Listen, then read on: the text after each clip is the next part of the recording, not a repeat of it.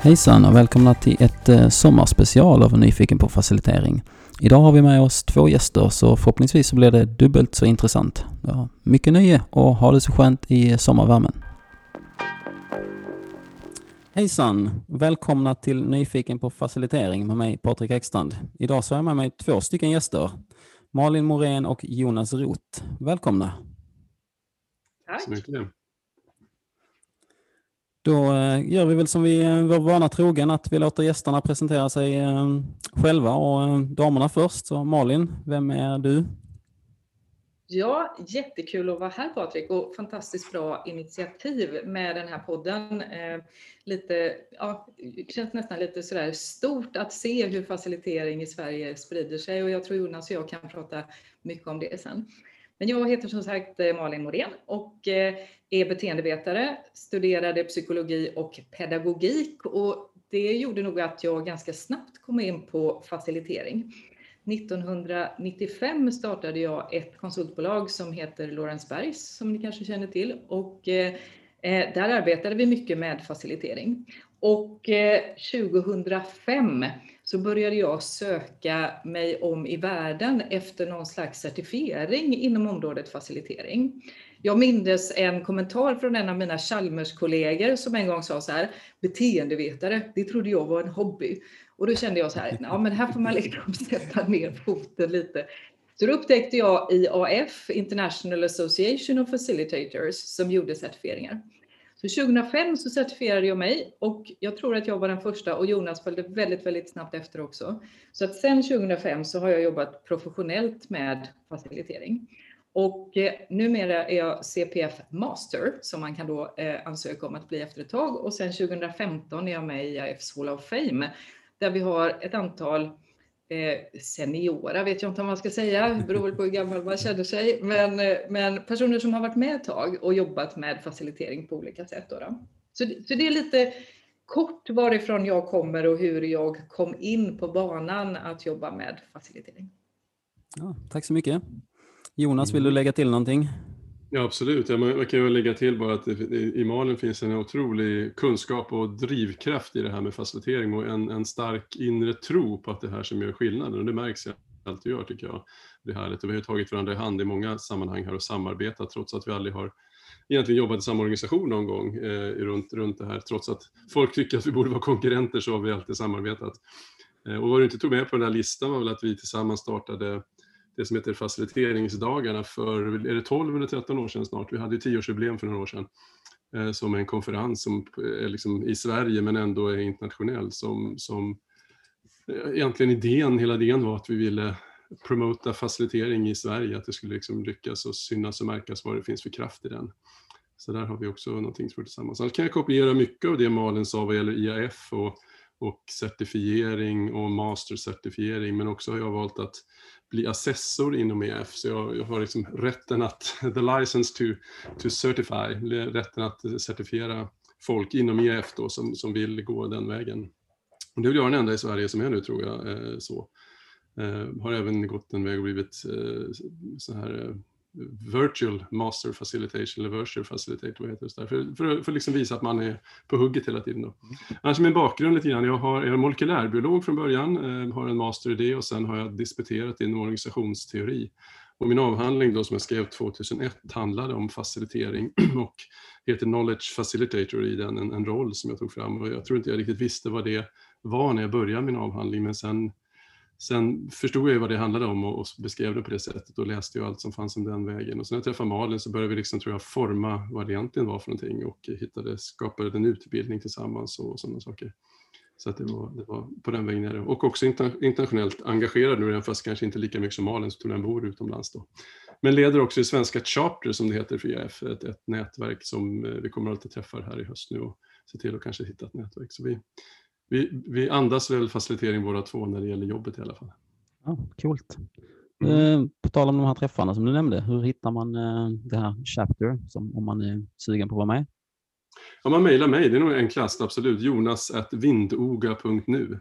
Okej. Jonas, att Vindoga som är Vindöga fast vindoga.nu så får man, får man vara delaktig. Absolut. Yes. Ja, jättebra. Då Mm. lägger jag dem i show notesen sen. Så att, Ja, så folk har super. koll. Jättebra. Men om vi börjar från eh, allra första början då. Vad är facilitering? Om, man, om jag säger facilitering, vad, vad betyder det för er? Mm, Ska jag det- börja? det du börja? Ja, börja. Ja, men kör, Jonas, kör igång. Börja.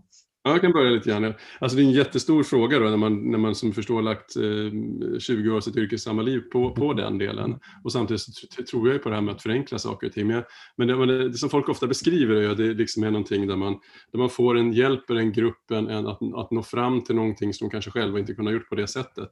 Eh, och där man liksom är mer en processkonsult eh, men också en, en som jobbar med grupp, gruppens liksom mående och, och eh, input i det.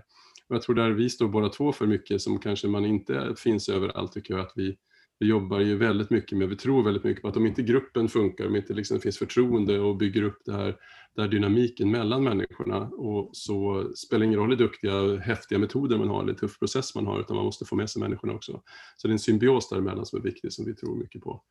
Och jag tror personligen väldigt mycket på designdelen, alltså att man, det, hur, hur, hur bygger man upp det här och sen, Ja. sen eh, har man liksom gjort halva jobbet när man väl går in i rummet och kör sin, sin workshop, sin process eller sin förändring. Det kan ju vara en dag eller ett år man jobbar med facilitering i ett team.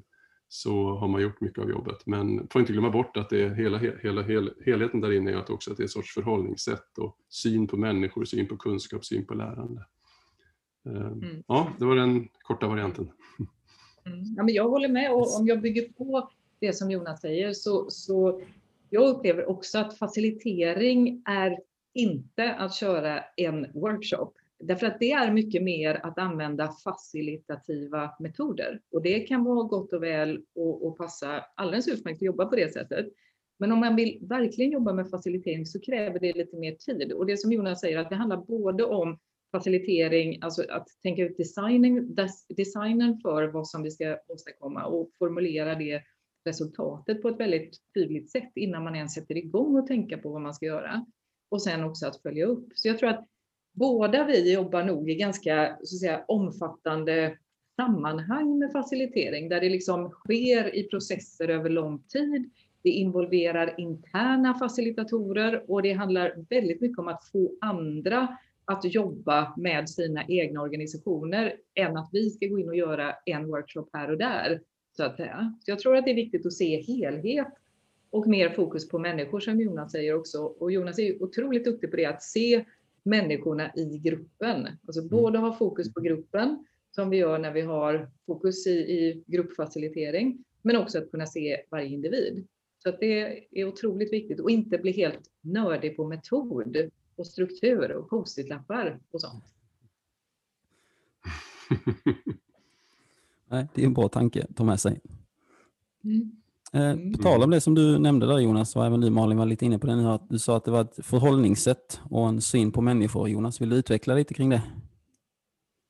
Ja, precis. Ibland när vi, vi utbildar ganska mycket facilitatorer, Malin och jag, internt och även, även så att säga, öppna utbildningar och sånt där. Och där, där är ofta att kommer fram den, liksom, vad, vad är egentligen facilitering? En del av det, förutom det här med metoder och kommunikation och att man ska kunna gruppdynamik och sådär, så pratar jag mycket om när folk frågar vad är det viktigaste verktyget? Ja, men det, det är du, det är du som är facilitator, det är jag som är det. Och vad, vad behöver jag då kunna? Och det är lite grann som om man tänker en idrottsman, är alltid lätt att tänka på en idrottskvinna eller någonting att man, man behöver liksom träna på någonting för att bli bättre och man också, måste också jobba med sitt eget synsätt och sitt synsätt på människor. Så går jag in i ett rum och jag träffar någon som i vanliga fall kanske påminner om någon, någon i min barndom som inte är positiv så behöver jag jobba med själv och kunna hantera det.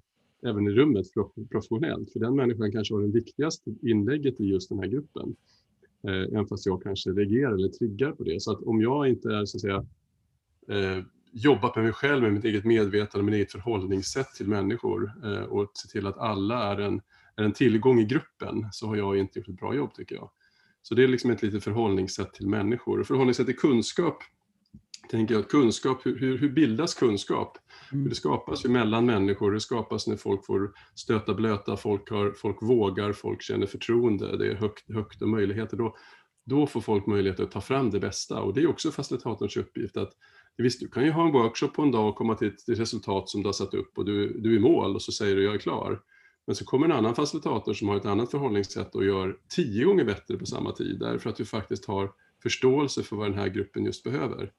Och det där, det där är vi lite inne på, att försöka hitta liksom det bästa möjliga av potentialen. Det tror jag har mycket med dig som förhållningssätt, hur, hur du skapar förtroende i gruppen. Allt ifrån när du hälsar på folk när de kommer in, till hur du mm. introducerar saker eller tar hand om konflikter i rummet eller den här trötthet som kanske finns, vi kommer ingen vart. Och så löser vi allting sista tio minuterna. Och det var du ganska trygg med som facilitator men alla i rummet hade en ångest som du var tvungen att hantera. Och det tänker jag är mycket förhållningssätt. Och eh, liksom kallar också att jobba med sitt eget tillstånd innan man går in, ungefär som eh, om du mediterar eller är ute och springer eller yoga eller tänker eller vad man nu gör, att jobba med sin kropp och sig själv för att vara fullt där när man behöver vara där. Det tror jag på. Ja, det är som du säger, det är lite det här med om man, är, alltså, om man tar hand om en ny grupp och eh, man har koll på ja, men de här vad heter det, olika stadierna som en grupp går igenom. Eh, och om gruppen är medveten om det från början, att okej, okay, men det här kommer hända, det här är liksom helt naturligt, ni kommer börja tjafsa, ni kommer börja känna de här sakerna, men det är naturligt, det är någonting som, som kommer hända, det är inte er det är fel på, det är liksom inte någonting som är konstigt, utan det är naturliga saker i en ny grupp.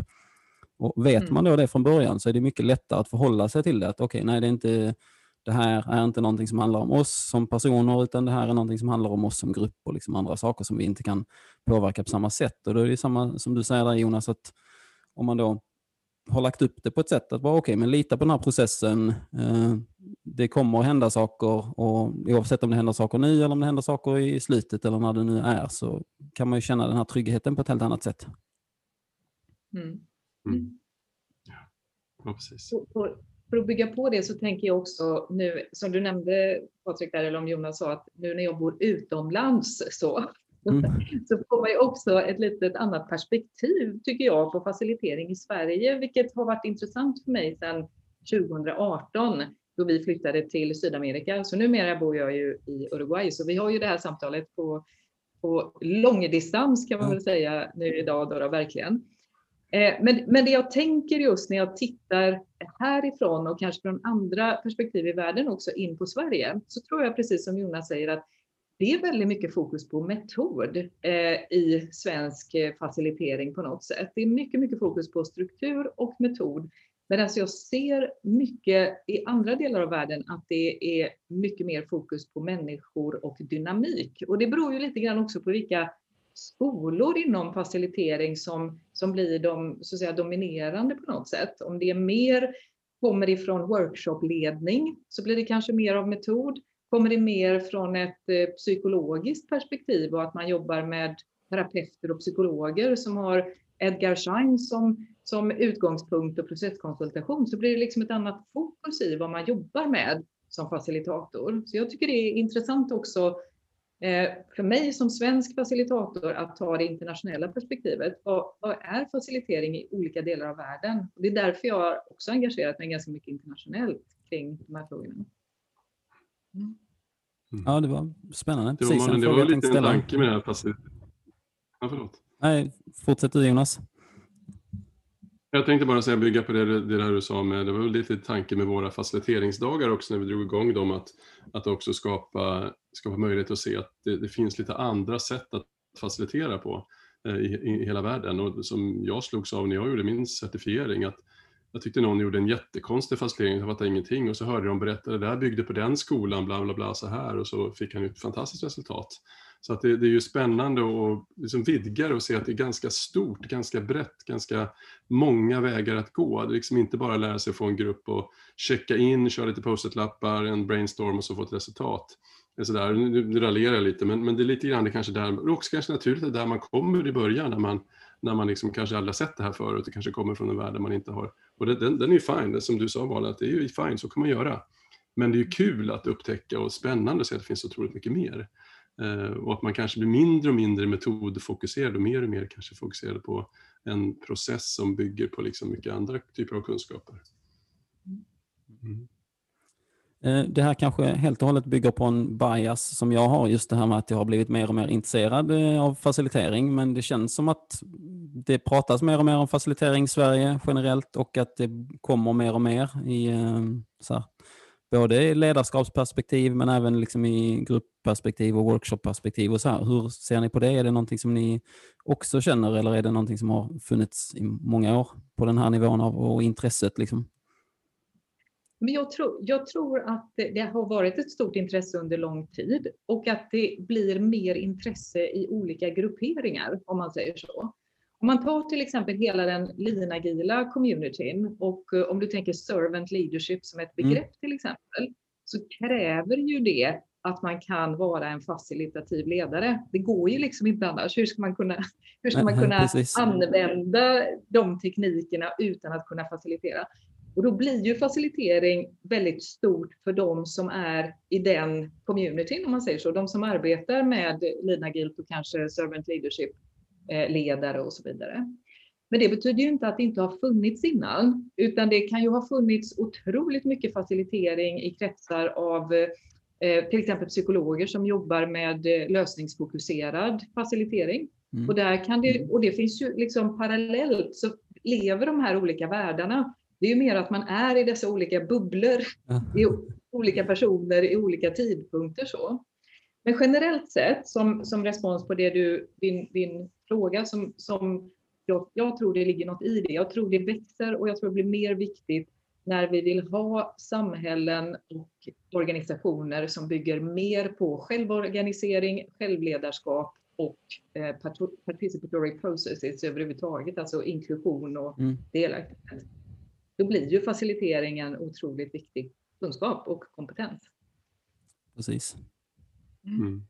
Håller med om det. Precis. Om vi går till de här faciliteringsdagarna som ni sa att ni hade startat för några, eller vad sa ni, 10-12 år sedan? Ja, något sånt här. 13 år sedan tror jag 13 år sedan. Ja. Tiden går fort.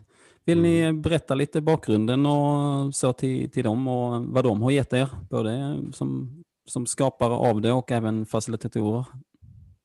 Mm, det, var, det, det grundade sig, Malin hade en utbildning ihop och så satt vi ner någon kaffepaus där tror jag, eller en lunchpaus och pratade bara om att, att nu är det synd att släppa de här efter den här utbildningen. Då är det kul att liksom, som vi sa, bygga på, för man på två eller tre dagar eller vad nu hade de här, det här gänget så, så hinner man ju bara med att nosa på facilitering och liksom ge dem en, en grund att ut och flyga lite grann.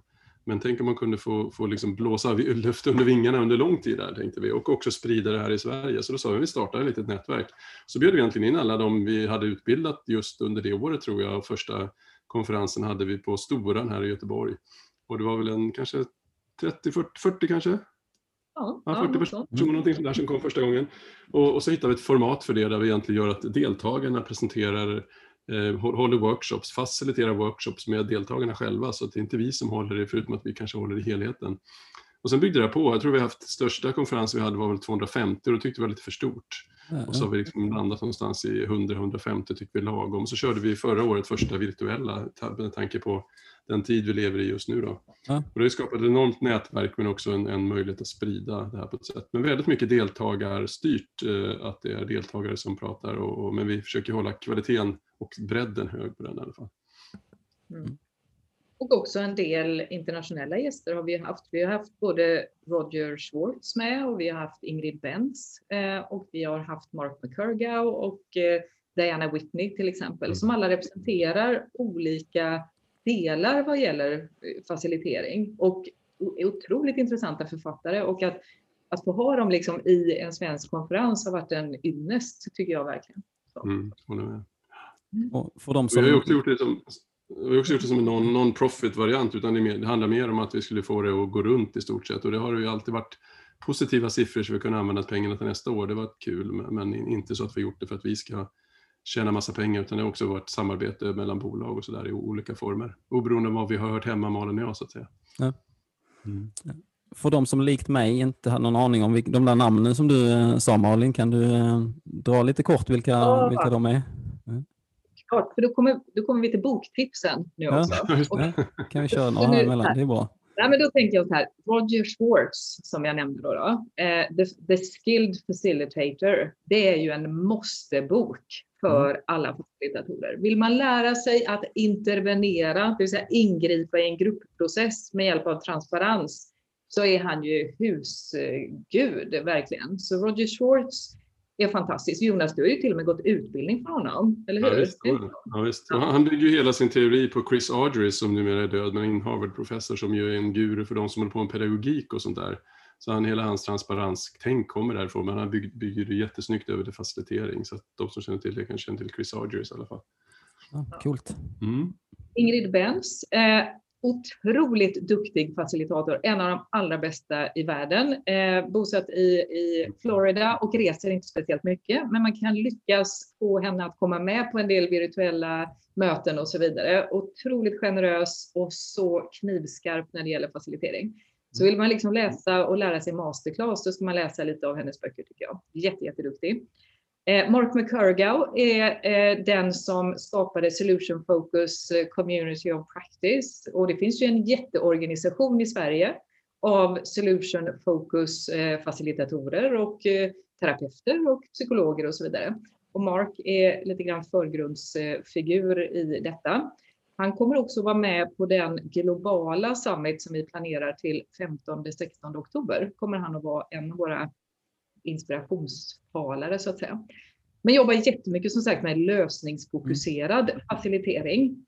Eh, de har själva en konferens 5-6 augusti som lockade över 3500 personer omedelbart att signa upp och sen tog alla platser slut. Så det är ett jättestort eh, så, såklart eh, tryck efter lösningsfokuserad facilitering. Och sen nämnde jag, tror jag, Diana Whitney Ja. Och där hade vi på en av våra faciliteringsdagar i Göteborg i samarbete med Handels så bjöd vi hit eh, Diana Whitney som är en av grundarna av Appreciative Inquiry-traditionen. Och hade, vi hade med henne på faciliteringsdagarna och vi gjorde en workshop tillsammans med Handels också.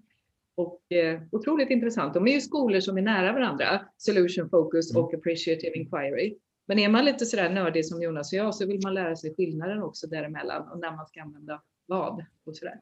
Ja. Mm. Mm. Vad är skillnaden? Ja, ja. ja men skillnaden är egentligen, tycker jag, att appreciative inquiry är, det är liksom mer en metod på det sättet som man faktiskt kan lära sig. Det är en väldigt tydlig design i ett antal steg där man jobbar igenom med gruppen först intervjuer i par och sen så summerar man ihop teman och så drömmer man om en bild man önskar komma till och så vidare. Så, mm. så det blir liksom, det utgår mer ifrån en, en process som är ganska tydligt definierad. Och sen har själva communityn såklart vuxit utifrån det. Solution Focus är, det kommer ju egentligen utifrån ett terapeutiskt perspektiv där man började titta på hur man kunde jobba med kognitiv terapi och facilitera utifrån de utgångspunkterna. Då, då. Och eh, där är det liksom inte en så här fix, man gör så här, utan ett antal principer. Men ganska, när, ganska närbesläktat mm. med lite olika metoder kan man väl säga.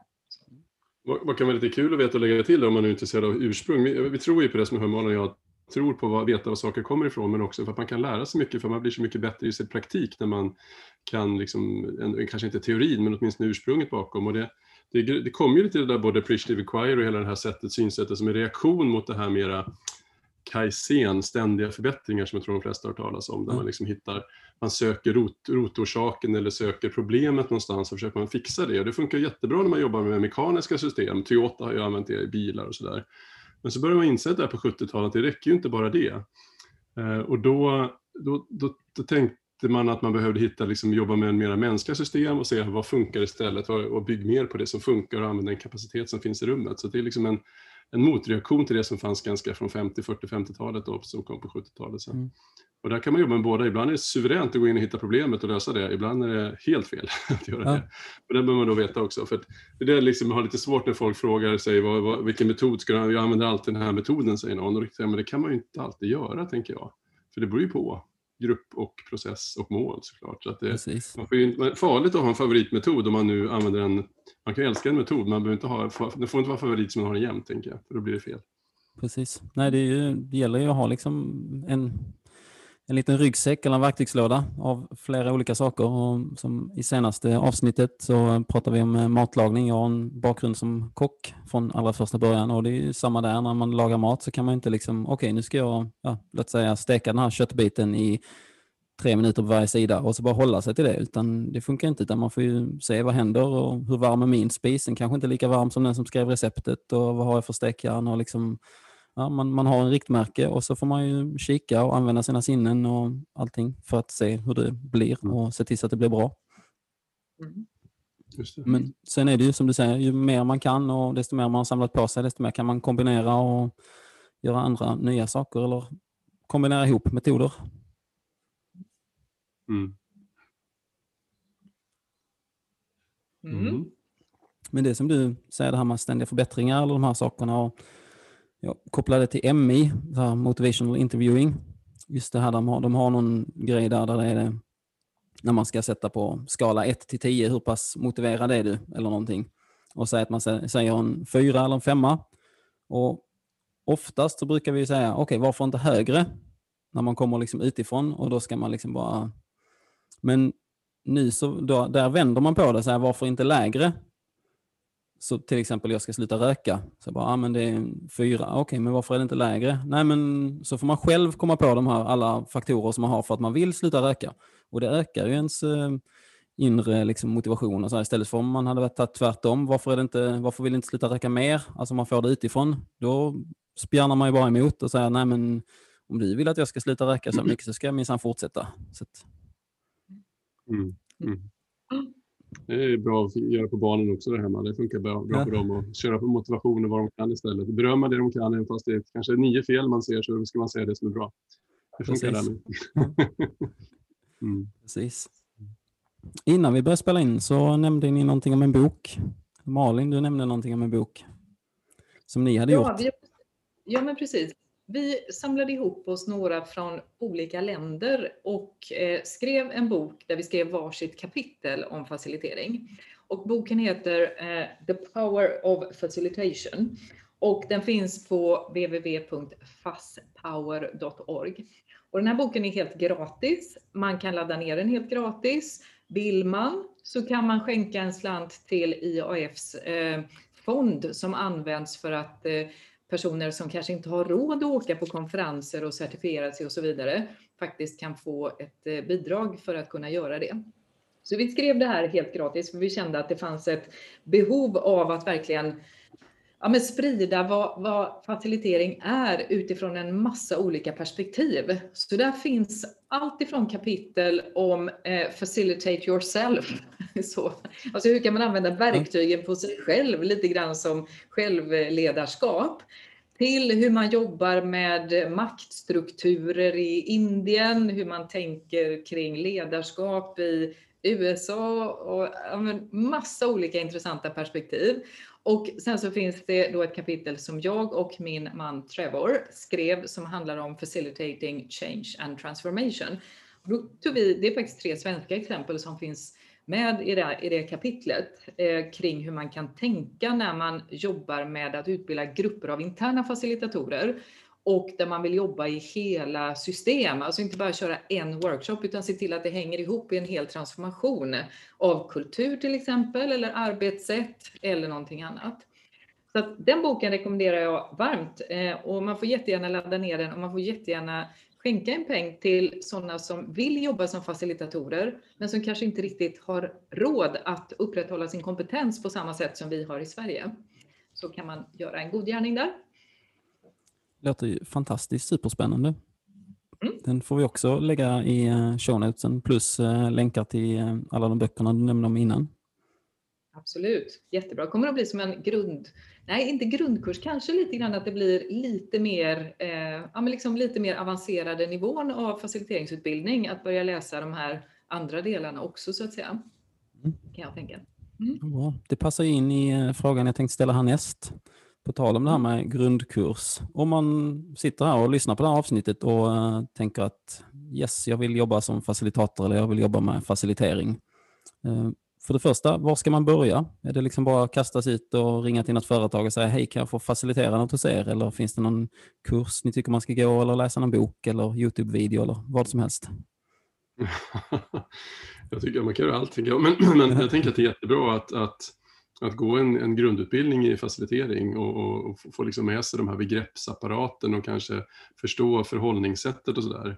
Eh, och där har ju, jag vet inte om ni gör det nu Malin från ert håll, men vi utbildar väldigt mycket internt i företag idag.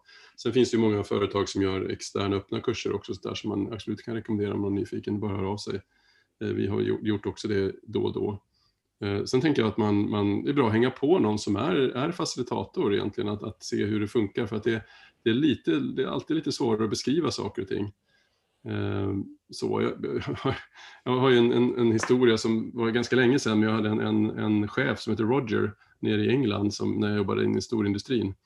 Och så sa, sa han att du Jonas, du gör någonting med grupper, du kallar det facilitering, vad är det för någonting? Och så sa jag, ja, men det är bättre jag åker ner och, och liksom visar dig vad det är för någonting istället för att, att, eh, att berätta. Och så åkte jag ner till hans grupp som han hade där nere och han sa till mig att det här är mest eh, uncreative and boring group you ever met, sa han. Tråkigaste och mest okreativa grupp du någonsin träffat. Så kan du göra någon på dem så tror jag på dig. Och det var en helt vanlig grupp engelsmän som var projektledare. Och jag faciliterade dem hela förmiddagen där med deras eh, visioner och mål och vart de skulle. Och så där. Det gick jättebra. Och Roger satt med armarna i kors i hörnet och tittade. Och sen då när det var lunchpaus så kom han fram till mig och så sa jag, vad tyckte du Roger, hur var det? Jonas, this was fantastic, sa han. Och så bara yes, tänkte jag, ny, ny chef och allting. Uh, that you met them today when they were in such a good mood. och, och då tänkte jag liksom, jaha, uh, du såg att de var på gott humör idag, men du såg ingenting annat liksom. Då tänkte jag, så var det dags för mig att byta chef. Men, men på något sätt så klickade det till mig och insåg att det här med facilitering är ju väldigt mycket saker som kanske inte syns så mycket i rummet, för mycket av det är förberedelser och mycket det man gör ganska subtilt och hjälper en grupp att bli kreativ och, och nöjd och nå ett resultat. Så jag tror, om pratar, alltså när man ska utbilda sig, så tror jag det är bra att gå med någon och se. Ja, men jag har lärt mig massor av Malin, lärt mig massor av andra kollegor man har gått och se, för de gör på lite annat sätt. Mm. Jag kom in mina liksom, kunskaper, mitt, mitt, mitt, min bakgrund, men jag fick in en annan bakgrund från till exempel Malin och andra. Då. Så gå gärna och, och lära av andra, men, och sen såklart läsa böcker om man tycker det är kul kan man göra, men praktiken är viktig. Mm. Och jag tänker också att det är ändå lite viktigt att fundera på om den man utbildar sig hos, är det en person som, som är så att säga, certifierad i facilitering? Eller är det en som, som tycker att, att det är roligt att, att facilitera så i stort? Och nu kanske det här låter lite provokativt så, men, men jag har med mig det här som den här Chalmers-kompisen sa, beteendevetare, det är väl en hobby.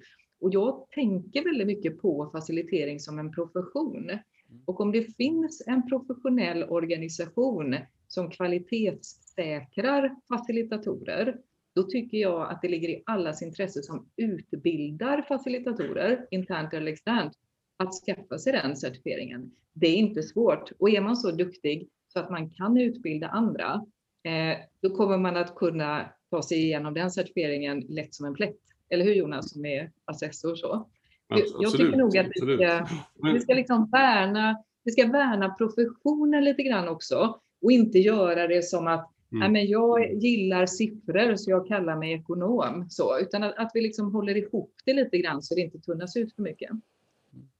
Ja, men det kan jag hålla med om. Jag har ju, jag har ju en coachutbildning också och där är jag väl lite samma sak. Att det, är, alltså, det är också en profession och det finns ju International Coach Federation där och det är många som eh, när man nämner coaching så tänker de någon liksom sitter och flummar och pratar om, jag vet inte, drömmar och annat. Men det är också en, väldigt, alltså det är en jättestrukturerad process där man eh, sätter upp mål och jobbar mot dem och liksom jobbar med sig själv och har väldigt eh, hårt och fyrkantigt om man gör det på rätt sätt tycker jag, även fast ja, det finns ju de andra i det också. Men, där det, men det är väl liksom så här, ja, men nu har jag hittat mig själv eller nu ska jag hitta mig själv och då går jag till en coach. Eh, men det är liksom en, kanske inte alltid det det handlar om utan det handlar om andra saker också. Mm.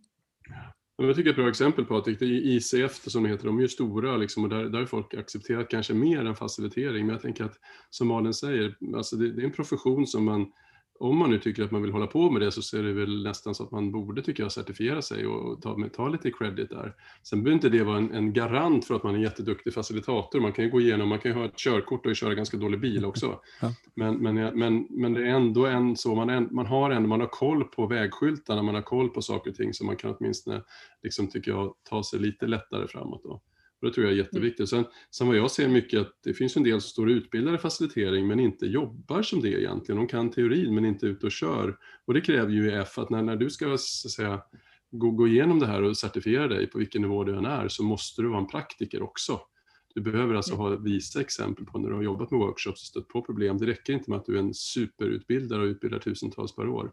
För det är någonting annat att vara utbildare än att vara facilitator.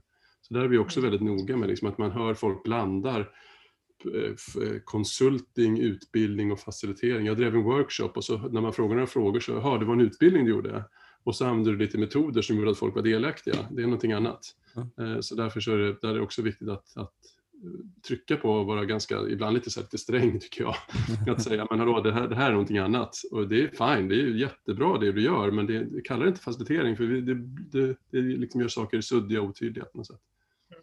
Mm. Och som sagt, det, det, är ju också ur kunden eller klientens perspektiv en viktig dimension att veta vem man är i händerna på. Därför att om man är medlem i IAF och har gjort en certifiering, då har man skrivit under på IAFs core competencies mm. och man är kvalitetsgranskad på att man vet vad det handlar om och dessutom kan facilitera. Och dessutom skriver man under på Code of Conduct och Ethics. Så då blir det liksom inte så att varje företag hittar på sina egna etikregler utan att det finns ju ändå en global standard i en organisation som vi alla som jobbar med detta ställer upp på. Där, där tror jag att svenska facilitatorer skulle ha nytta av att jobba lite mer med att certifiera sig och IAF skulle ha nytta av att få in fler svenska facilitatorer också. För varje så att säga, ny, ny dimension som kommer in kommer att utveckla professionen dessutom. Mm. Så är det verkligen. Och om man går ifrån hur man blir det, vem, vem tycker ni passar som facilitator? Finns det några speciella personlighetsdrag eller annat? Jag kan ju misstänka att, att vara nyfiken på människor och liknande är eh, något som kan vara bra när man vill jobba som facilitator. Men har ni något annat eh, som ni har upptäckt eller märkt? Ja, jag tänker det som är nyfiken på människor, nyfiken på, liksom och, nyfiken på att, att, skapa någonting ihop med andra är ju viktig. Sen, sen tänker jag också på att man inte kanske ska, man ska inte vara den som kanske vill stå i centrum jämt och synas och höras och liksom få massa applåder och feedback, utan man är ju, är ju ganska, det är ju gruppen som är stjärnan i, i rummet. Och det är gruppen som det är fokus på. Som han Roger, chefen, han såg ju inte ens att gruppen gjorde jobbet tack vare en bra design. Utan han trodde de råkade vara på bra humör den dagen. Och det, och det tänker jag, det möter vi rätt ofta tycker jag när vi faciliterar. Vilket, gud vad härligt det var idag. vad gruppen, alla var, verkar vara trevliga och sådär. Så tänker man just det, men det finns ju en design bakom. Och, och där tänker jag att en, en, egenskap man behöver ha, att man behöver vara ganska duktig på att liksom kunna visualisera i rummet en design som når det resultat man vill. Och när man sitter med det som vi kallar klienten, och uppdragsgivaren, så behöver man vara väldigt duktig på att suga upp deras behov och inte bara liksom innan man liksom är färdig bestämma sig vad de egentligen vill komma fram till och köra sitt gamla race då, utan det här handlar om att liksom verkligen lyssna in vad det egentligen ni vill och vara väldigt ödmjuk för att, att de kan sin organisation bäst och det är inte du som kan det. Så där tänker jag är två egenskaper jag har som är bra. Sen duktig kommunikatör, duktig på att liksom vara snabb i rummet och lyssna in, duktig på att känna in stämningar i rummet, sånt här är alltid, alltid bra egenskaper med sig. Men det mesta av det där kan man ju lära sig också. Ja. Och, Vill lägga till något Malin? Ja, men jag tänker man behöver vara duktig på att skapa samarbete med klienten så att man liksom verkligen ser partnerskapet med den man ska hjälpa.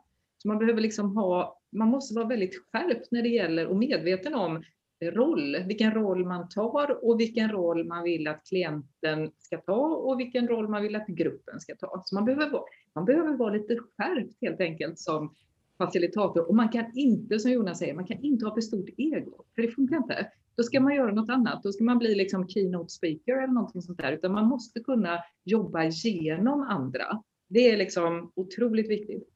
Och sen måste man vara duktig på att planera för gruppprocesser, både utifrån metodval, men också att våga ingripa när saker och ting händer i rummet. Därför att man förväntas vara den som säger någonting när en konflikt uppstår. Då kan man liksom inte bara säga, ska vi ta en paus? Utan man behöver liksom ha ett antal verktyg och, och mod att våga göra någonting. Så, så, det tycker jag är viktigt. Förutom det som Jonas sa. Andra saker är ju också att man fortsätter att kompetensutveckla sig. Så att man inte bara blir en cirkushäst som kan Eh, en metod och sen är det bra, utan att man verkligen hela tiden söker och läser och förstår mer och mer. Jag tycker att ju mer jag försöker liksom lära mig, desto större blir området facilitering och desto mer finns det att utforska. Och eh, jag uppmuntrar verkligen alla att, att verkligen försöka skapa sin egen lärresa som facilitator. och se det verkligen med ett growth mindset så att man verkligen mm. tänker små, små steg. Jag blir bättre och bättre och bättre. Lär mer och mer varje dag. Mm. Precis. Så att man inte är mm. kvar där på, vad heter det, Mount, toppen av Mount Stupid om man ska ta den här eh, Danner Kruger-effekten. Och river post-it-lappar åt fel håll, du vet. Det skulle ju ja. vara hemskt. Det, ja, precis. Då blir man utkastad direkt. Ja. Eh, men med tanke på det som ni sa, just det här med att eh, inte vara den som står i centrum. Så jag har en liten metafor som jag brukar använda när det kommer till en bra ledare eller en bra chef. Just det här med alltså, trädgårdsmästare. Och att det är mitt jobb mm. att se till så att, eh, ja, men jag ser till att eh, blommorna får rätt förutsättningar för att växa. Vissa behöver mycket ljus, vissa behöver mycket vatten och rensa ogräs och så här. Men sen när, sen när trädgården blommar så är det inte trädgårdsmästaren som står framför och liksom tittar vad jag har skapat, utan då står man ju längst bak och liksom låter blommorna tala för sig själv. Och det är ju samma sak här med facilitator, att eh, jag ser till att allting funkar innan och sen så är det gruppen som får liksom, eh, ta, eh, ja, ta berömmet för vad de har producerat. Mm. Och Jonas och jag brukar använda några olika metaforer också för att beskriva vad en facilitator är, för att göra det lite förenklat. Men en, en facilitator är ju också då lite grann som en barnmorska. Det vill säga man hjälper till med förlösandet av något, det vill säga det som gruppen ska åstadkomma.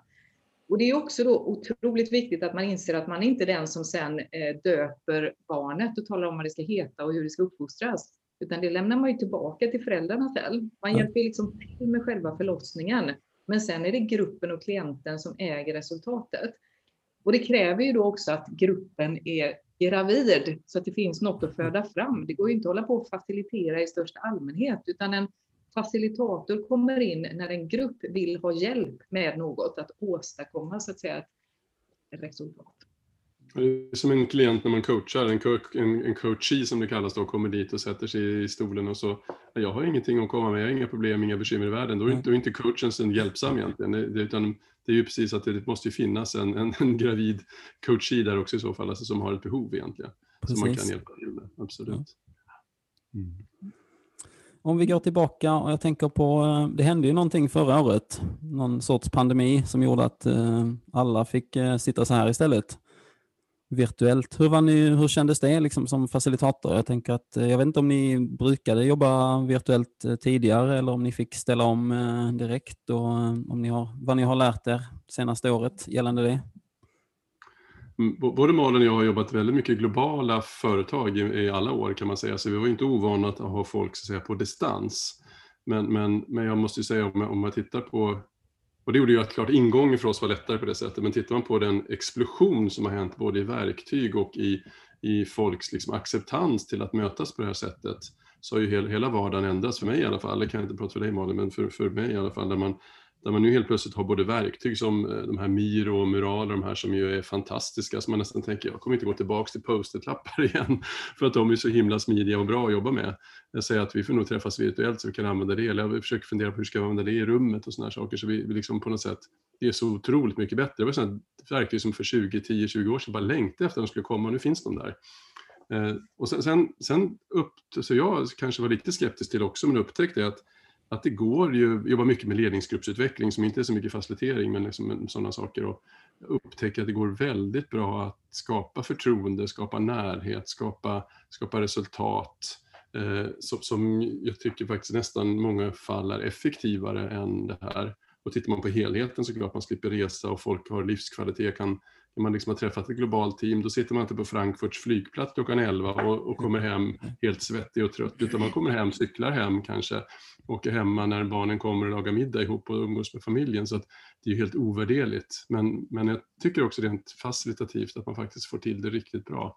Och jag har också jobbat med stora grupper. Men jag hade en grupp på 150 pers för två veckor sedan som faciliterade en, en hel dag och det gick ju hur bra som helst. Så det, det, liksom, det funkar. Jag måste säga att jag är väldigt eh, glad över den kompetensutveckling som man tvingades till. Sen, sen såklart, den pandemin, mycket, mycket hemskt har kommit med den, men, men mm. just ur facilitativt perspektiv positivt. Mm. Och jag håller helt med Jonas. Jag tycker det är fantastiskt bra. Och vi flyttade ju lite grann till Sydamerika för att vi ville ägna oss åt våran vinodling och mm. eh, hästarna och eh, så tänkte vi vi kan flyga till Sao Paulo då och då och göra lite uppdrag med de här globala kunderna som ändå är där. Men nu efter att det här ett och ett halvt året har passerats så känner jag nog att jag har jobbat mer under ett och ett halvt år än vad jag gjorde innan vi flyttade från Sverige. Eftersom det blev så nära till alla igen. Så nu mm. arbetar man ju liksom, tycker jag, hela tiden med att facilitera ledningsgrupper, kulturarbete, alltså massa olika typer av omställningar och det är jätte, jättekul. Så jag håller helt med Jonas. Jag tycker det här har varit ett lyft att jobba på det här sättet. Liksom. Det enda jag tycker inte funkar virtuellt, det är när du har några deltagare som envisas med att sitta tillsammans i ett rum någonstans. Ja. Och sen med några andra stackare som ska sitta utspridda. Och det tror jag att vi som facilitatorer, vi får hålla lite ögonen på det, för det blir jättekonstiga liksom, delaktighets eh, ja, issues av det helt enkelt, att alla inte kan vara med på samma sätt. Annars tycker jag, förutom det, tycker jag det är toppen. Mm. Och det är samma sak där som när man gör kon kontrakt med gruppen i rummet, liksom att man kanske tar pauser, man kommer i tid och sådana saker, sådana enkla saker. Som, så kanske det här också med kamera på, kamera av, ljud på, ljud av och sånt där man kanske tycker att ja, men jag har ju rätt att välja det själv, men ja, fast det har du ju inte när vi träffas fysiskt. Då kan ju inte du vända dig med ryggen till oss eller sitta i ett annat rum när vi möter. Det funkar ju verkligen. Eller plastpåse på huvudet, det är inte okej. Okay. Så när, när, du är här och vi ska ha kameran på så behöver du det. Och det handlar inte bara om att jag vill se dig, det handlar om också att det finns ju forskning på det viset att att du får ju mycket mindre förtroende, mycket mindre liksom, trust i gruppen om, om någon har sin kamera släckt. Så där måste man, som du sa, hålla koll på Malin, att, att helt enkelt kontraktera med uppdragsgivaren att, att man sitter framför sin egen dator. Man sitter inte i små kluster någonstans, för det blir jätte, jättesvårt med de här äh, hybridmötena som det kallas tror jag, mm. så, som inte funkar alls egentligen. Och jag tänker att där behöver man jobba med, med de bitarna. Sen, sen, får man också vara uppmärksam på det här som ju sker emellan själva workshopen eller mötet, att kaffepausen, middagen, det här minglet som sker emellan och, och arrangera för det. Det går, finns ju liksom tekniker och metoder för att göra det ändå i, i rummet så att man kanske bygger in att de har lite kaffepauser i mindre grupper och så, eh, så att inte vi förlorar det helt och hållet. För det, det, är ändå där mycket händer. Och då kan det vara skönt att liksom göra det virtuellt också. Så där får man ju vara kreativ bara. Det finns ju alla möjligheter idag med, med de verktyg vi har. Mm. Ja, det ska bli spännande att se hur det går här nu eh, framöver med liksom just eh, folk kommer tillbaka till kontoren och som du säger hybridträffarna och hybridfacilitering och även vilka verktyg som ytterligare som man inte har sett än men som håller på att utvecklas och så, så att om ett, två år hur det kommer att se ut då. Det ska bli väldigt spännande. Mm. mm. På tal om det, kan ni, kan ni se några andra trender inom faciliteringsvärlden? Generellt? men jag, sitter, jag sitter just nu och jobbar med den globala konferensen som IAF har, eh, mm. som kommer att bli superintressant. Eh, det är 15-16 oktober. Det är ett 24 timmars eh, i fyra sprints över hela världen. Så att vi börjar i Europa, så kör vi sex timmar och så åker vi till USA, kör sex timmar, åker till Australien sex timmar och slutar vi i Asien, i Asien sex timmar. På, på hela tiden också dubbla språk. Så det finns liksom franska, spanska, kinesiska, japanska och engelska såklart. Och när man tittar då på alla de eh, sessions som har kommit in som förslag, vi behöver 80 workshops och det har kommit in jättemånga, ska jag säga. Alltså, det är liksom ett wow så här. Så ser man det alltså att, att det finns ganska så mycket en rörelse kring det som Jonas pratade om, att jag som facilitator, att jag behöver ha koll på mig själv. Jag behöver veta vad jag står för, mitt förhållningssätt, min etik, min kompetens och så vidare. Det upplever jag är en ganska stor trend när jag nu sitter och liksom tittar på alla dessa ansökningar om att, eh, att få lov att köra en session. Så då. Och sen så finns det säkert en massa andra mer sådär tekniska trender hur man använder olika virtuella verktyg och så vidare. Men det överskuggande tycker jag ändå är hur man, hur man har koll och jobbar med sig själv, för sitt förhållningssätt som facilitator. Och sen väldigt mycket hur man skapar inklusion eh, mm. i grupper. Det är liksom överskuggande trender i den empiriska studie jag har gjort av alla dessa ansökningar. Ja. Mm. Ja. Jonas, vad du? Som du var inne på också Patrik i början, tänkte det här med också, vi går ju över nu till till liksom virtuella möten. Det finns ju en, en, en, en trend till att acceptera det på ett annat sätt och också en efterfrågan tycker jag efter facilitering. Du sa att du såg liksom en sån ökning. Och jag tycker det när man jobbar med, med team där jag kanske inte hade förväntat mig att de hade bett om det, men när de, kanske inte går in där och är facilitator, jag kanske går in där och är någonting annat, alltså konsult eller ledarutvecklare och sånt där. Och så ber de om när de säger, ja men du är facilitator ser på ditt CV, liksom. kan, kan du inte göra det här då? Så att det finns en förfrågan idag och en önskan att, och förståelse för vad det är, det är väl en trend i sig tänker jag. Mm. Uh, absolut, så att, uh, både jag håller helt med det Malin säger, det är mycket jag och min egen utveckling där man kan göra stor skillnad idag som ledare eller facilitator, men, men även det här andra, att det finns en, en, en önskan att, att skapa bättre möten, för många är skittrötta på det som man har. Mm. Vad, vad, är, vad är roligast med att jobba som facilitator? Eh, när det blir eh, resultat. Nej. Men, det, men det är en sån given dimension i facilitering att om, om vi inte lyckas få gruppen att komma till det resultat som vi har skisserat innan så, så har vi ju inte gjort vårt jobb på bästa möjliga sätt. Vi är ju inte någon slags underhållare i gruppen eller bara i största allmänhet skapar delaktighet, utan vi ska liksom hjälpa gruppen att komma dit de vill komma, att föda fram det här barnet. När barnet är framme, då är det liksom klart så. På det sättet. Så det, det tycker jag är viktigt. Men roligast tycker jag nog är när man liksom ser stoltheten i ögonen på gruppen och de verkligen så här lyser över lite grann känslan av att de har åstadkommit någonting mycket snabbare, mycket enklare och haft mycket roligare under tiden. Och den liksom, att kunna bidra till den upplevelsen är jättestort som facilitator. Jag kan haka på det. Jag tycker det sista du sa, jag tycker också det när man, man liksom kan lösa, en grupp som bara titta, har vi skapat det här på den här tiden? Och så är de bara så, så imponerade av sig själva. Och så tänker man, man vet om att man har varit med och bidragit till det, det känns ju underbart härligt då, att få, få den. Och som jag sa tidigare också, ibland kan det vara en frustration under en timme, så vet man, ja men det här, det kommer. Och så på tio minuter löser de någonting som de inte har löst på ett halvår. Det är härligt. Sen tycker jag roligast, själv tycker jag är roligast är designbiten och därför tycker jag om de här mera större förändringarna, kanske man gör en kulturförändring eller transformativ förändring i en hel organisation eller del av organisationen. Och då tycker jag det är väldigt roligt att vara med och designa det upplägget, liksom en förändringsprocess ur ett deltagande facilitativt liksom, approach. Då. Det tycker jag är mest, mest kul att göra. Sen är det kul att vara i rummet och göra, göra det också, att vara med och skapa det, men, men det måste jag inte vara, jag kan lika gärna designa. Mm. Du, du, nämnde lite om det innan också, tidigare under eh, avsnittets gång, det här med designprocessen. Kan du nämna någonting lite, lite om det, lite kort? Vad det är du gillar med det och hur du går tillväga oftast? Ja, Det, det börjar ju med det här mötet med klienten, eller mötena ska jag väl säga, där man liksom försöker förstå organisationen, deras behov, deras mål, vart vill de, vad har de för intention och så, vilka är de? Och koka ner allt det där till okej, okay, vi har en dag eller vi har tre månader på oss eller vad nu är vi har, eller bara två timmar kan det vara ibland också. Eh, och vi vill komma hit och då liksom ta in det all den kunskap man har och designa ett sånt, vi kallar det körschema, liksom minutschema egentligen på vad gör vi här, hur får vi gruppen att komma dit? Att tänka då både rum, Eh, Eh, eller virtuellt rum kan det vara, tänka metod, tänka gruppdynamik i allt det för att komma dit vi ska. Och att gruppen går där med ett leende på läpparna, liksom det, det, är det som är skoj i designen. Och det är ju ett, ett hårt jobb, det är liksom en, en sån här process i mig. Jag får liksom alltid en sån här, liksom, går och tänker på det här ett bra tag, kanske några dygn och sen får jag ner det på papper. Eh, så det är liksom en sån här process, kreativ process som är spännande. Också bollar ofta med någon kollega eller, eller med klienten. Och sen ser det på, på, liksom på platsen. Så det är för mig design, designdelen.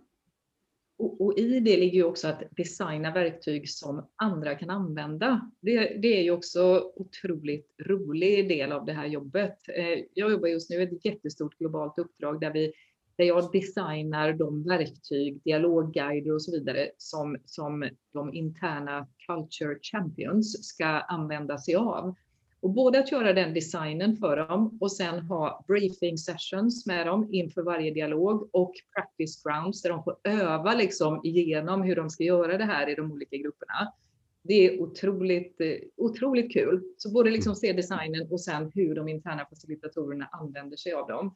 Och hur de också växer med bra verktyg och bra design. Därför att de som de möter internt, de får ju känslan och upplevelsen av att de har hittat på det själv. Och det är ju fantastiskt kul liksom att stå där som intern facilitator med ett superverktyg och verkligen kunna få de interna grupperna att funka på ett jätte, jättebra sätt. Så det, det är kul. Ja. Och över tid som Jonas sa också. Det här projektet som, som ett exempel har pågått i ett och ett halvt år. Så det är liksom inga quick fix på det sättet utan långa processer som verkligen skapar resultat. Mm. Yes. Vad, vad är svårast då, tycker ni? Eller jobbigast som facilitator? Jag, jag, jag skulle nog säga liksom, när, när, man tyck, när man tycker inte att man får gehör för, från den klient man jobbar med. Eh, de kanske vill någonting som jag inte tror på. De vill förlösa två barn på en gång när vi har bara tid att förlösa ett. Eller de vill ha en pojke och det ser ut som det blir en flicka, förstår du vad jag menar? Men alltså den, de skulle metaforen de har faktiskt eller en, en oförståelse för att gruppen kan inte komma dit med, eh, som du vill, utan de kan komma dit de vill eller de kan. Eh, där tycker jag det, det är både et, etik i det men också en svårighet att få en kund att förstå. Ibland, det, det, är, det, är inte, det har hänt flera gånger och sagt att ja, men, tack men vi, vi, det, det kan inte vi eller jag lösa åt dig. Om du hittar någon, berätta för mig för då är jag nyfiken att lära mig i så fall. Så jag tänker, där, där tycker jag kan vara, det kan vara jobbigt tycker jag att, att behöva liksom lämna eller säga till dem att, att, att, att du får göra på ett annat sätt.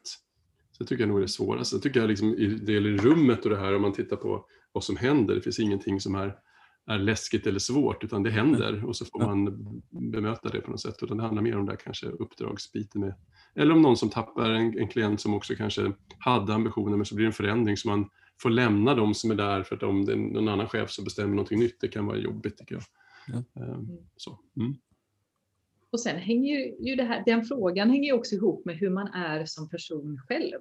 Så om jag till exempel är en ganska utpräglad ID-person, om vi pratar disk till exempel, så blir ju jag såklart jättefrustrerad när folk vill sitta och reflektera och älta och tänka i all evinnerlighet. Och Jonas brukar alltid säga så här, nej, de behöver mer tid. Och jag bara, får sitta på fingrarna så här för att jag är liksom redan, men hallå, hallå, vi är nästan framme. Mm. Så det är ju otroligt viktigt att tänka på hur man är själv i relation till gruppen och uppgiften och att mentalt ställa in sig på det också innan man går in och jobbar.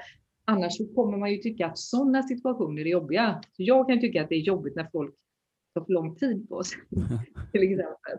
Men om, men om jag är medveten om det så blir ju det något som är ganska enkelt att hantera också. Mm mm. Ja. Tack så mycket. Det var ja, intressanta och bra svar tycker jag. Så, ja. Har ni något som du var inne på Jonas, det här med eh, beställare som är, alltså om det kanske är sådana som är som inte riktigt vet vad de vill ha eller alltså att det är svårt. Har ni några tips på hur man liksom enkelt eller på ett bra sätt kommer fram till och hjälper dem att komma fram till vad de vill ha? Jag, jag tänker att det är också en, en skill, alltså en, en, en, kunskap att kunna ställa frågor och ta reda på vad egentligen behovet är. Jag tycker ofta, inte lika ofta idag kanske, men förut var det nästan som man knappt mötte någon som visste hur man stavar till facilitering. Eller om de visste kanske inte, de, det, något måste hända, men jag vet inte vad. Och det där tycker jag är bara roligt, det är superkul för då får man med tillsammans med dem och skapa den, den bilden och, mm. och liksom hjälpa dem att skissa. Det kan ju vara liksom halva grejen i ett uppdrag. Att få dem att förstå vad de egentligen vill åstadkomma och, och ut, utveckla dem tillsammans i intervjun. Liksom. Ehm, menar, min, min forskningsbakgrund, ja, där gjorde vi ju intervjuer med, med, med många människor för att liksom förstå hur organisationer funkar. Och bara den intervjun påverkar ju enormt mycket hur de sen beter sig i, i, i organisationen. Så att man, man, man påverkar bara genom att ställa frågor och det, det, det tänker jag är en, en kunskap. Så ställ mycket frågor, var öppen för allting. Man verkligen ha ingen bias med dig in hur det ska vara, men sen när du har lyssnat färdigt, använd all kunskap och erfarenhet du har för att skapa någonting som de kan använda. Eh, det tänker jag är liksom första, första tipset. Och har du inte gjort det förut, ta med en kollega. Liksom, mm. Använd dina, dina kollegor, branschkollegor, dina konkurrenter, dina, dina idoler, dina gurus. Använd dem och säg kan du hjälpa mig? Så får du ju stöd. Det, det, det måste man göra tycker jag. Mm. Jag tänker det också. Det är som du säger, att det är en bra tips också att ta med någon. För att är man ny så kan jag tänka mig att det är svårt och då kanske man har föreställningen om att nej men det är klart att eh, jag behöver låtsas som att jag förstår vad, vad min uppdragsgivare säger eller vad de vill ha för att det är professionellt när det snarare är tvärtom. Att eh, om jag inte vet exakt vad den här vill ha så är det upp till mig att få ställa frågor tills jag förstår vad de vill ha så att det blir ett resultat som alla är nöjda med. Och Det kan ju vara svårt i början, utan att då kanske man kan ta med sig någon som är tryggare och som är mer senior eller någonting som kan hjälpa till. Ja, och sen precis som du sa där Patrik, att vad de vill ha och vad de vill ha hjälp med Ja. är ju två olika saker. Så man behöver vara himla skärpt liksom i att, att när de säger jag vill, jag vill ha en kraftfältsanalys-workshop till exempel. Och, så, och om man då springer iväg och okej, okej, okej, jag gör en kraftfältsanalys och googlar på vad det är. Ja. Då kanske man blir helt fel på det. Men om man, har lite, om man är lite cool där och istället, vad är det du vill ha hjälp med? Ja. Så kommer man liksom hitta en uppsjö av olika design, metod, förslag, diskussioner. Ibland har jag suttit i sådana möten där svaret inte ens är facilitering. Ja. Därför att Ja. om jag som chef redan vet vad jag vill göra, då blir det ju bara manipulativt att låtsas att det här är någon slags faciliteringsprocess där folk ska tas som gisslan i, i att komma fram och tro att man har varit med och kommit fram på någonting. Så att eh, det där första mötet, det är otroligt viktigt att, att vara jätteskärpt i. Mm. Faktiskt. Mm. Jeps. Och just det här, det kanske är, ja men det som, som du säger där också, att det som de tror att de behöver hjälp med, det kanske inte är det de behöver. Och då är det det också att ens Mm. uppdrag att okej, nej men det kanske är det här ni skulle behöva istället. Mm. Mm. Ibland på, jag tänker bara tips är att liksom försöka hjälpa klienten att tänka vad vill du ska liksom ha hänt efter den här processen eller workshopen? Alltså vad, hur ska folk stå och gå och liksom röra sig ungefär? Och vad, vad, vad, vad vill att de ska kunna kanske efter det? Vad vill du att de ska liksom göra aktivt? Vad vill de att de ska känna? Och liksom de här klassiska liksom tre frågorna som kommer in och, och hjälper folk att, att eh, liksom visualisera och prata om saker och ting. För ibland kan det vara väldigt tyst och då är det bra att ha ett frågebatteri. Och coachutbildning är aldrig fel att ha för då ställer man Mm. frågor. Precis. Mm. Ja, nej, men det, som du säger, det är jätteviktigt att veta okej, hur ska det kännas efter, vad ska de göra, ska de gå hem och känna sig helt ut, um, eller, övermanglade eller ska de känna sig helt energifyllda eller vad, är det som, vad vill vi få ut av det? Mm. Mm. Ja, på tal, om, på tal om det så tänkte jag nu har vi nästan pratat här en timme. Eh, har ni några, förutom er, som ni tycker att man, jag ska intervjua, som ni vill lyssna på i podden? Om, Ja, det jag tycker att många. du ska bjuda in ja, men, de som jag räknade upp som författare där, hade Mm. väl varit jättebra. Ja. där har du ju fyra stycken som, som verkligen är, vad ska jag säga, gurus inom facilitering och som kan då också ta ett ganska så eh, globalt, alltså från olika håll in i Ja. vad facilitering är. Sen tycker jag att det är intressant som vi har varit inne på, att närma sig facilitatorer från olika skolor. Appreciative Inquiry till exempel, eller hela host-communityn som ligger ganska så nära ändå eh, facilitering. Och där kan man ju liksom fundera på vilka eh, communities finns det som omgärdar facilitering och kanske då i Sverige om man då vill hålla det svenskt. Mm. Mm. Du, Patrik, var du med på faciliteringsdagarna här förra året? Eh, ja, det var jag. Ja, för då hade du Mary Alice Arthur tänkte jag på. Hon är ju host, host och storyteller. Hon är ju spännande facilitator också. Ja. Eh, som man absolut kan höra sig till eh, och prata med. Hon, hon gör nog gärna det tänker jag. Och sen i Sverige så, jag jobbar ofta med Karin Grönberg, inte om du känner till henne, hon är en sån här, eh, vad heter det, Grafisk. graphic, ja, grafisk Okej, ja, recorder och, ja. ja, just det. Så hon, hon, hon är också facilitator och, och eh, tycker hon, spännande att höra hennes perspektiv på hur hon ser på sig, den här processen i rummet där hon jobbar. Det skulle vara kul att höra. Mm. Och jag kom på en person som jag är nyfiken på och det är inte bara för att vi kommer från samma ort i Sverige från början. Eh, Men jag skulle vara jättenyfiken att lyssna på en podd med Maria Bensalem Dynehäll som driver Ja, Drivhuset. drivhuset här i Göteborg, precis. Ja, Mm. Ja, och hennes Lopa-böcker. Så. Ja, ja, ja. Som hon har Eh, skrivit med ja, Leif Denti. Precis, så Maria Mm. tycker jag du ska bjuda in. Hon, för hon är också en sådär som är liksom i en lite annan community än, än vad faciliteringsdagarna har varit till exempel. Då, då. Så det, Ja. det tycker jag skulle kunna vara spännande. Har faktiskt eh, Lopa-boken, ligger här på kontoret. Så att, ja. Det. Ja. Mm. Så jag har koll fast jag är på andra sidan jordklotet. Mm, det är bra. Mm. Ja, har ni någonting på gång här nu? Jag tänker att det här avsnittet kommer att släppas nästa eh, onsdag som en liten eh, sommarspecial. Så har ni något på gång som ni vill pusha lite extra för? Det vill hålla ögonen öppna för faciliteringsdagarna i höst. Då. Man vill liksom verkligen få en community i Sverige internationellt och, och eh, se bredd på, på... Den kommer bli virtuell i höst igen och, och kanske om man är nyfiken på det här med att att gå med i det här charter. Skicka ett mejl som sagt så vet mm. jag att ni vill vara med del, delaktiga i det. Um, ja, det är väl de två som jag har i huvudet där. Mm. Och för att bygga på, på det också då så tänker jag den globala IAF Summit 15-16 eh, oktober. Det kommer att vara ett begränsat antal platser på den. Så att eh, vill man vara på där så ska man ganska snabbt skaffa sig en, en biljett. Yes. Och eh, det kommer att bli fantastiska. Ja, det kommer, och alla de sessionerna kommer att spelas in också. Så att man får 30 dagar efteråt tillgång till 80 workshops som man då kan sedan lyssna och titta och inspireras av. Så det är liksom har man tittat igenom det så tror jag man är master facilitator efteråt, bara genom mm. den upplevelsen. Jättebra. Mm. Toppen. Har ni något så här eh, sista sommartips då in till lyssnarna? Något ni tycker att de ska hitta på i sommar? Ligga på stranden, grilla, läsa böcker? Eller, eller för vintern för din del Malin som eh, är i vintern just nu? Mm. Mm, men jag tycker man, ska, man kan väl läsa de där fyra böckerna, eller ja. hur? Tycker inte ja. det? I alla fall Ingrid Benz och eh, Roger Schwartz, de tycker jag att man kan ta sig an. Eh, så. Det kan vara en, en liksom boktips åtminstone under sommaren. Mm. Mm. Mm. Håller med. Annars tänker jag att, att jag, jag tror väldigt mycket på att, att ladda batterier, reflektera, liksom, gå in i sig själv och fundera lite grann liksom på superreflektion och se vad, vad gör jag? Simmar jag åt rätt håll i den här forsen som man simmar i jämt och, och gör, jag, gör jag på rätt, rätt sätt och vill jag göra någonting annat. Så det är väl supertillfälle att bara släppa det. Och gör man det genom att läsa en bok så är det fine. Eh, men jag tänker att hitta det och inte ha dåligt samvete för att man är, man är ledig. Tänker jag. Det är på det sätt som man själv mår bäst av. Mm. Absolut. Mm. Jättebra tips. Själv tycker jag att folk ska mm. starta en podd. Det är väldigt roligt och eh, inte så svårt som man trodde från början. Så att... Vem vet, vi kanske startar den efter det här. Vi fick inspiration av dig Fredrik. Ja, ja. Det. ja. Precis. Yes, då tackar jag så jättemycket för det här samtalet. Tack så mycket Och önskar er en trevlig sommar. Mm. Tack, vi hörs. Stort tack, trevlig sommar själv. Vi hörs och ses. Hej. Tack för att ni lyssnade. Det var ett väldigt intressant samtal tycker jag och hoppas ni också gjorde det. Vill ni mig någonting så hittar ni mig enklast på LinkedIn. Där jag heter Patrik Ekstrand.